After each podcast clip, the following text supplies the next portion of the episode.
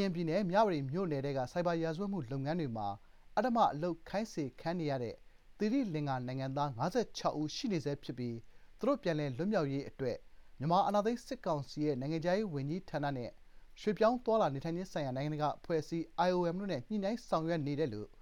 သီရိလင်္ကာနိုင်ငံခြားရေးဌာနကသောကြာနေ့ကသတင်းထုတ်ပြန်ပါတယ်။လက်ရှိပဋိပက္ခတွေကြောင့်အဲဒီဒေသထဲကိုဝင်ရောက်ဖို့ခက်ခဲနေကြောင်းမြန်မာစစ်ကောင်စီဘက်ကအကြောင်းပြန်ထားတယ်လို့ဆိုပါတယ်။ မြန်မာနိုင်ငံဆိုင်ရာသီရိလင်္ကာသံအမတ်ကြီး